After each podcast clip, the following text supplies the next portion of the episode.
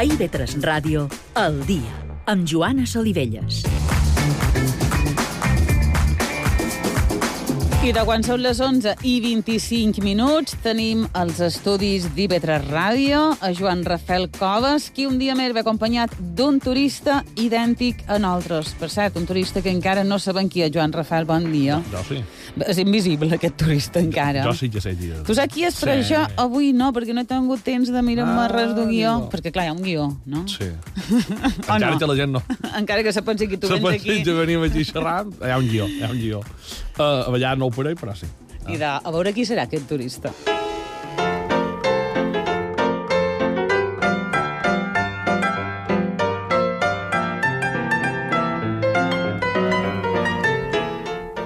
En Winston Leonard Spencer, eh, ja ho has El dit, teu anglès ha millorat tant aquest estiu. el conseller no fet- sé el si has anat estat amb molt de guiris. va ser Ana Maria. Ana Maria m'ha donat molta canya Ana el Maria, de juliol sí? i vaig fer com, com a repàs. Vas fer un intens d'anglès. Sí, però ja ho he dit qui és. Au, mira, han començat el Lonon, ja. Ja, un nom? Winston Leonard Spencer. Mhm. Neix el dia de Sant Andreu, o sigui, dia 30 de novembre. Ara t'anava a dir, és significatiu això que sigui el dia de Sant Andreu, No, precisament? però perquè saps què passa? Que mon pare va néixer el mateix dia, que és 30 de novembre, Ah, i, i mon pare sempre diu, jo hauria d'haver estat Andreu, perquè Ja. el dia de Sant Andreu. un homenatge a ton pare avui, eh? Sí, sí, sí. bueno, i va néixer el dia 30 de novembre de l'any 1874 a l'ancestral Palau Blenheim. Mm. I atenció, perquè aquí ja ens poden fer una idea eh, del tipus de família la que neix el nostre turista d'avui. És un palau. Sí, i hem de dir que, a més, és un palau que durant molt d'anys ha estat l'únic palau residencial que no pertanyia ni a la corona anglesa ni a l'Iglesi. O sigui que això li dona una certa importància de dir, bueno, aquí hi ha gent, gent noble, important. noble, això. Perquè que hi ha nobles que viven a palaus, Mm? o vivien, però que eren depenien de la corona o eren de, de, de l'Iglesi. I aquesta és seva propietat. I aquesta és en propietat de la, de la família.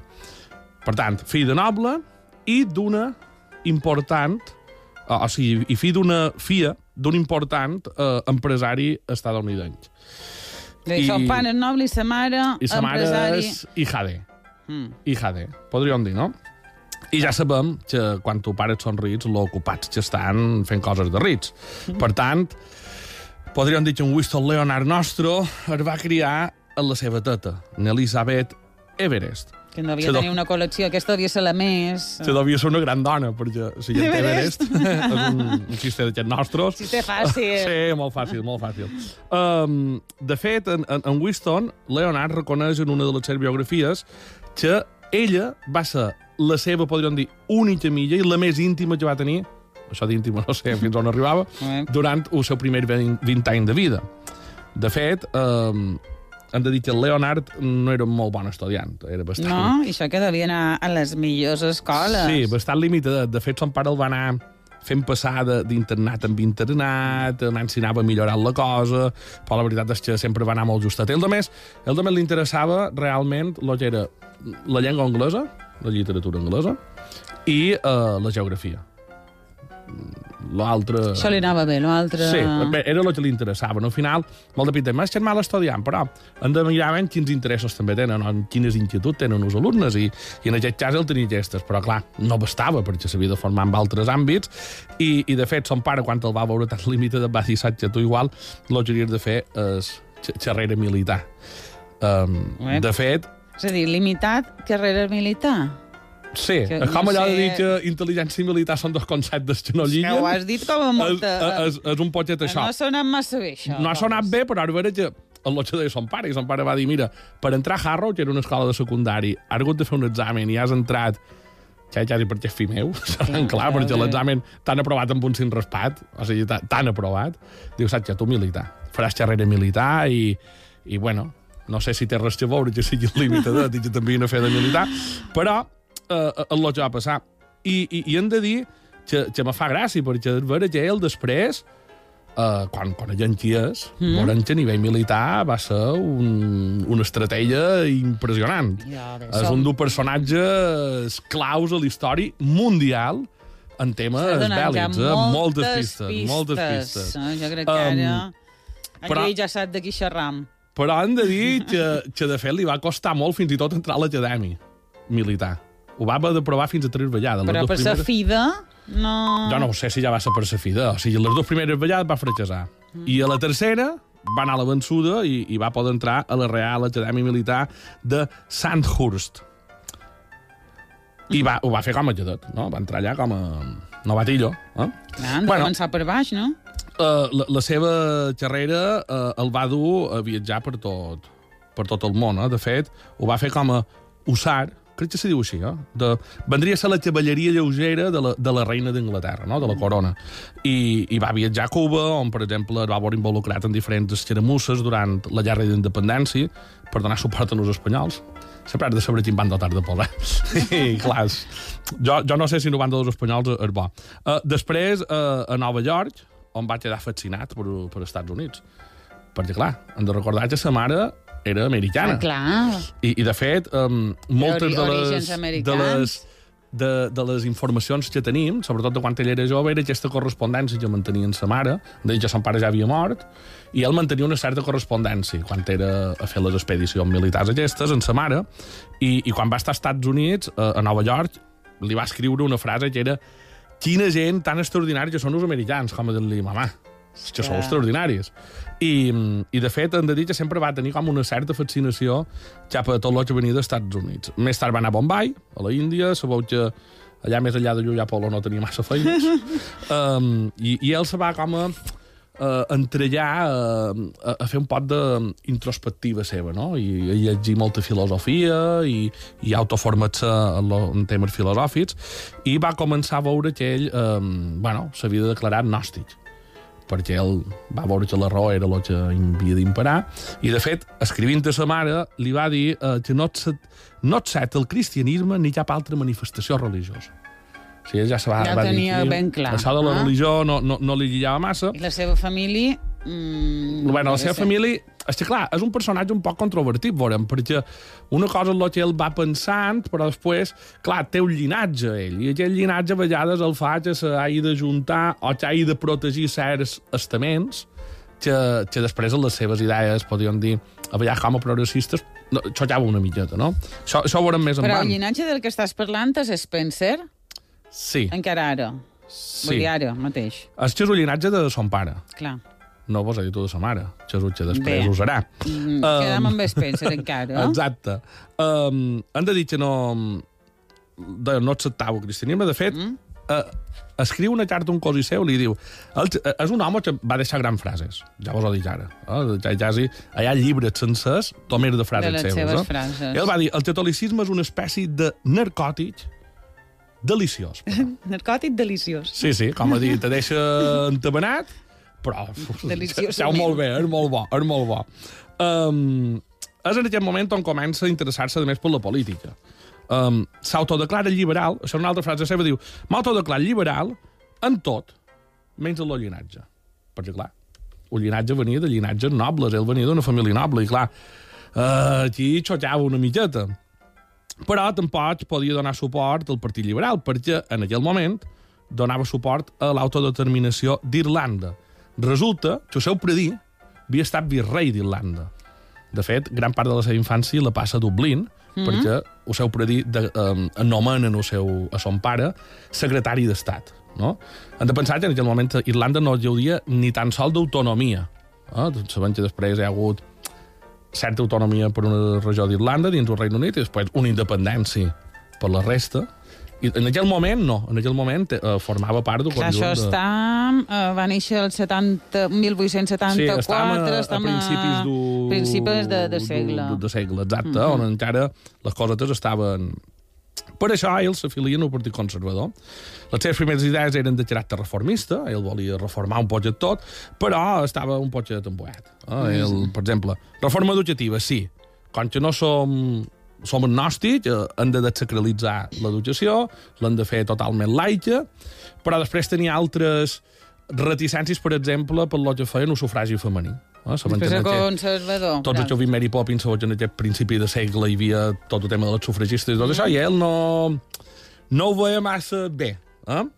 Hem de dir que aquest jove polític es convertiria amb el part del temps en un dels polítics més reconeguts i importants del món. Ja han dit que tenia Cert. certa importància. Eh? Jo crec que tothom ja sap Aquest turista, qui és aquest turista. idèntic a nosaltres, És... és en Winston Churchill. Ole, en Winston Churchill, uh, un dels protagonistes de la sèrie The Crown. Sí, sí, sí, sí. Uh, de fet, um, de Crown ha tret moltes cosetes, anècdotes, que no, que no se coneixien d'ell. Però si t'has fixat, dues setmanes, dos polítics, eh? Dues setmanes, dos polítics, és vera. No, no, no, no, no No compararem... mateix nivell. No compararem... No mateix nivell. Mm, no ho sé, que cadascú digui que troba, però... Record, bé, recordam, eh, perquè potser hi ha gent que no recorda qui va tenir, qui la va ser setmana turista passada vam tenir idèntic. José Mari, José Mari Anar per Menorca. mira usted, exactament, per Menorca, i avui tenim en Winston Churchill.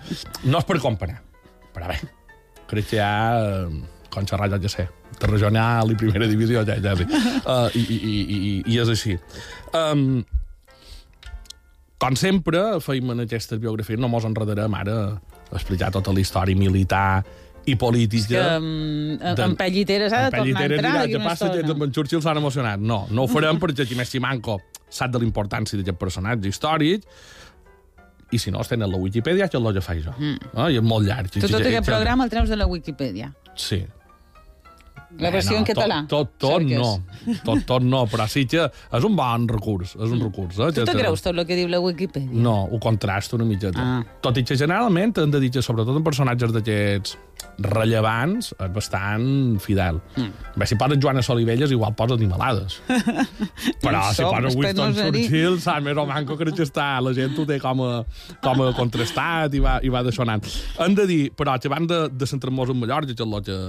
Arribarem a Mallorca. Sí. Eh, eh, de totes les illes va a Mallorca, en Churchill. Sí, bé Mallorca. Però m'agradaria fer quatre pinzellades d'anècdotes seves de la seva vida, així per conèixer Vinga. un poc el personatge per qui no el coneixi. Hem de dir que va guanyar el Premi Nobel de Literatura.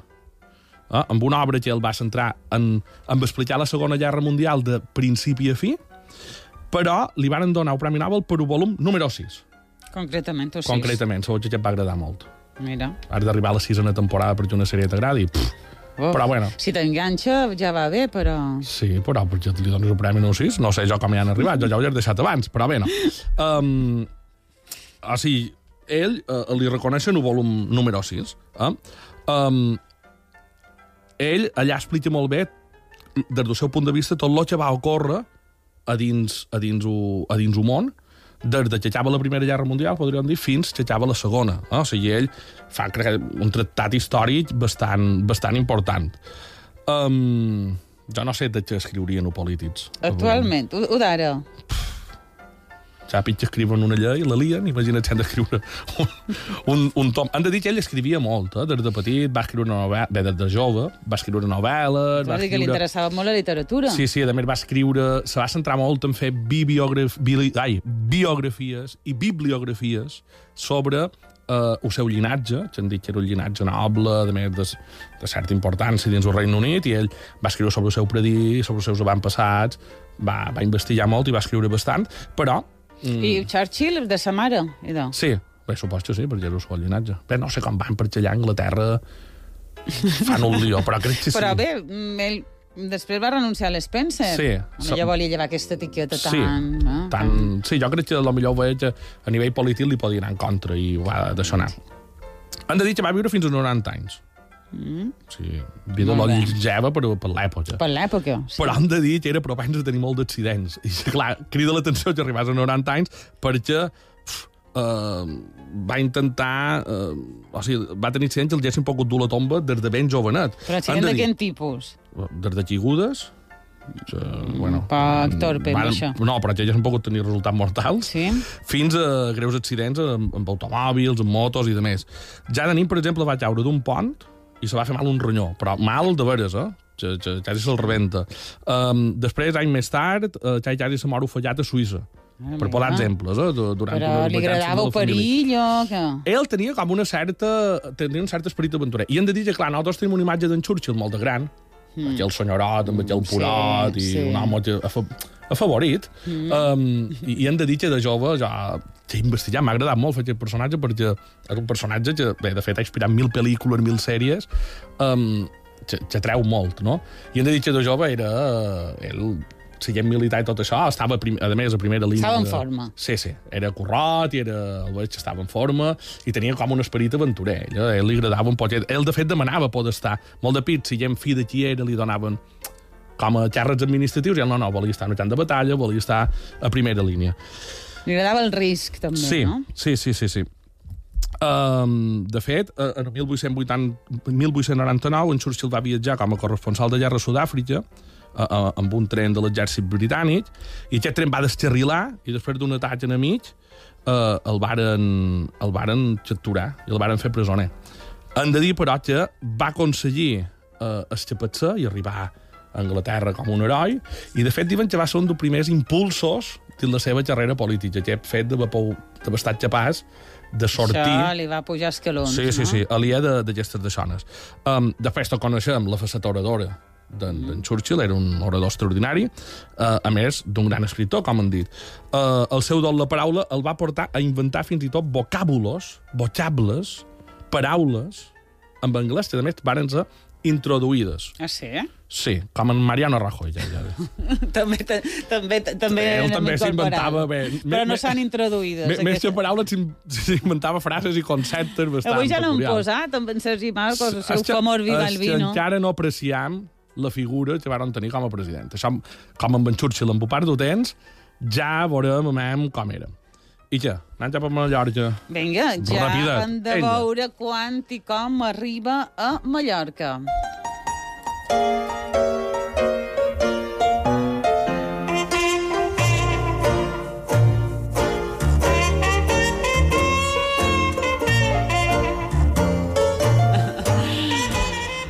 Any 1935. Estem en un moment en què Adolf Hitler encara era ben vist de l'opinió pública, era una, una política nova, un, un personatge encara que la gent com a bé havia arribat a un poder d'aquella manera tan popular i encara, bueno, a dins Europa se'l veia bé. Però hem de dir que un solitari Churchill, un solitari Churchill ja, ja advertia de la perillositat del personatge. Ell ja, Ell ja havia calat. no el veia trigo limpio, Ja el havia calat. aquest uh, moviment juvenil que hi havia darrere en, en patriòtic i juvenil que hi havia darrere en Hitler, uf, uh, li feia por, li feia por, però, clar, estava tot sol. Um, a més, un moments en què hem de dir que des de Westminster i Buckingham Palace Buckingham Palace. um, no veien amb mals ulls fins i tot tenir cert pactes amb, amb l'Alemanya nazi. Mm -hmm. mm? Encara no veien... Per això, ell decideix allunyar-se de l'hostil Londres per anar a passar unes vacances a la vorera del Mediterrani. Ai, Tot, i que diuen que la seva esposa ja havia agafat bitllets per anar-se'n cap a Bali, en Winston decideix que no, que res de Bali. Ell a Formentor. Vol A anar a Formentor, Mallorca. com, uh, sí, sí, a l'illa de Mallorca. Sí, que que no se pot comparar, això, amb Bali. tu què trobes? Mil, Tu què tries? que, la, que, que va saber triar molt, molt bé, perquè... No ho sé, eh? Man, No ho sé. Que no hauria d'haver anat a Bali. Mm, Hombre, un matrimoni decideix agafar un vaixell 19 de desembre Que, de l'any 1935 per venir cap a Palma. 9 de desembre. Igual volien aprofitar el pont de la Immaculada Concepció, no ho sé. però si ja ha acabat per desembre. Dia Bé, nou, vull dir. bé, me lo manco, o ja però venien a dins- fer la campanya de Nadal aquí. Bueno, mm, jo crec que ja es tenia devoció. Un 9 de desembre, canviar Bali per Mallorca, per molt estimar clar, Mallorca. és Han de que, ser, clar, de estan ser... pensant, Formentor, 1935, 9 de desembre, és que clar, abans estava sempre obert, però Hem de dir, però, ara... que Nathan Diel, que és el que va Construir. dissenyar i construir Formentor i se va arruïnar darrere de Formentor, diuen que el va concebre com un hotel d'hivern. De És fet, que si t'hi fixes, bé, ara ja no t'hi pots fixar perquè grans festes ho, l'hivern, no ho me'ls hi han tombat tot, ja sí, però de no hi havia terrasses. Les habitacions tenien finestres, no tenien ni, ni tan sol balcó. No se podia fer balcònic.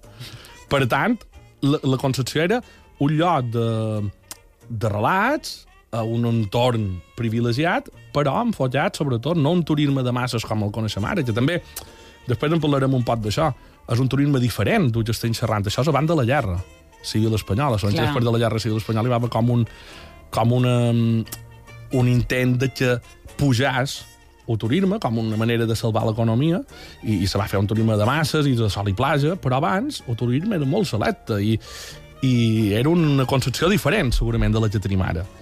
Però, clar... Que, o sigui, eh, en l'hivern, eh, en, aquest, clar, en aquesta època i molt després, no sé fins quan eh, se va mantenir que l'Hotel Formentor no s'obria tot l'any, però Clar. feien grans festes de Sí. Nadal, de cap d'any, Carnaval... hi havia marro allà, eh? La cosa s'interpretava. Bé, hem de dir que Vinga, ell, anem a- anem a que ell era propens a les depressions. Eh? Era una...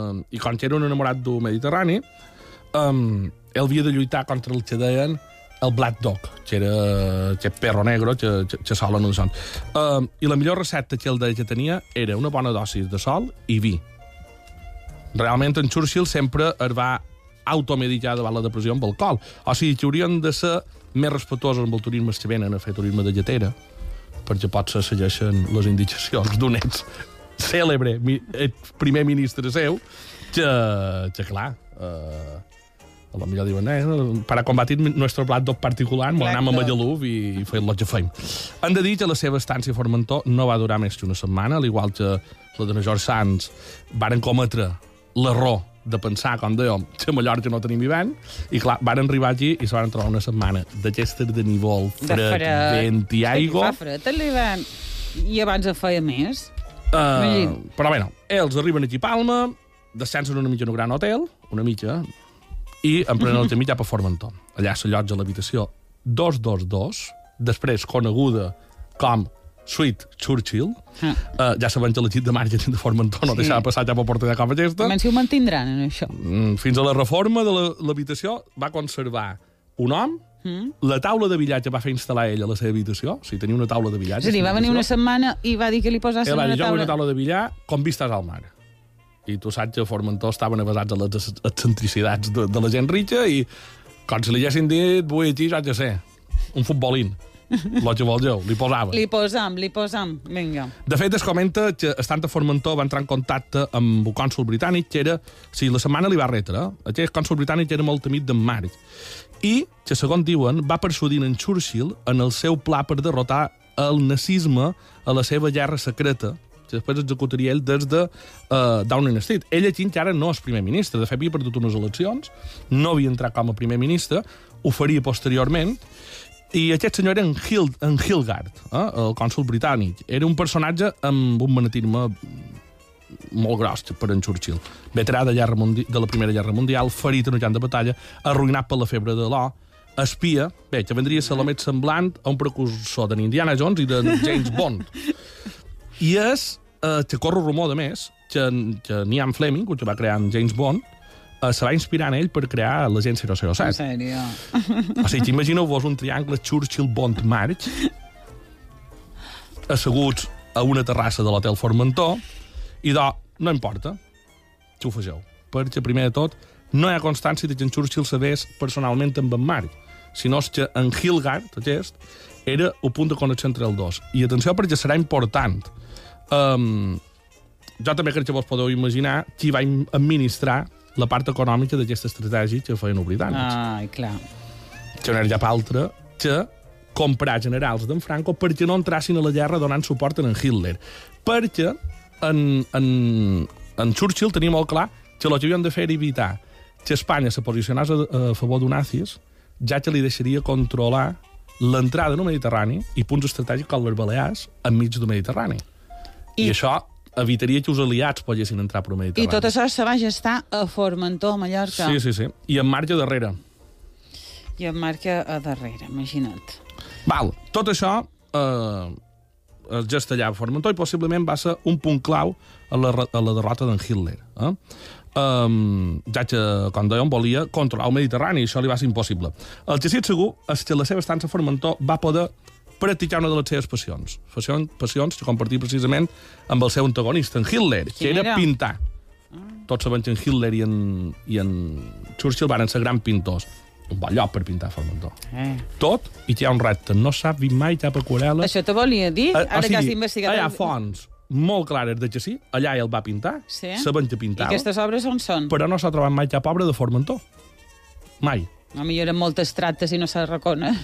Hem de dir que després d'aquelles vacances frustrades per el mal temps, en Churchill va triar moltes més ocasions venir a Formentor per Ah, fugir Després de va la veure City. Formentor amb bon Exacte, temps. ell allà per seguir el seu tractament antidepressiu de sol i vi i sempre demanava l'habitació 222 a la Churchill Suite, a la seva taula de billar i les vistes al mar.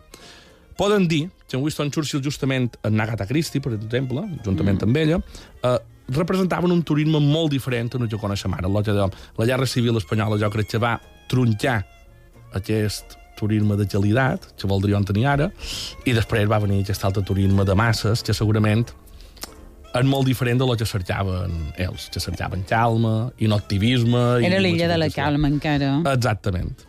I, fins aquí, la nostra visita d'en Churchill. Uh, Joan Rafael Coves, gràcies per dur-nos avui uh, amb pet lliteres. No sé què, crec que no li caus molt bé. No, ja. No, no jo no el conec, tampoc. Ja l'hauríem Bé, de ja, conèixer. ja, ja vos espera i així quan torni el coneixeràs perquè no han deixat quasi temps per, per la seva Era un secció. Però bé, era un apassionant. personatge molt apassionant i molt important. La setmana que ve arriba el darrer turista. Eh, Estic preparant alguna especial. Ah, vinga, idò. Vinga, idò, vinga, idò. Gràcies, Joan Rafael. Fins dijous que ve. Una aturada per la publicitat i hem de tornar al, al barri de Pere Guerau, allà, allà el nostre company Pet Lliteres.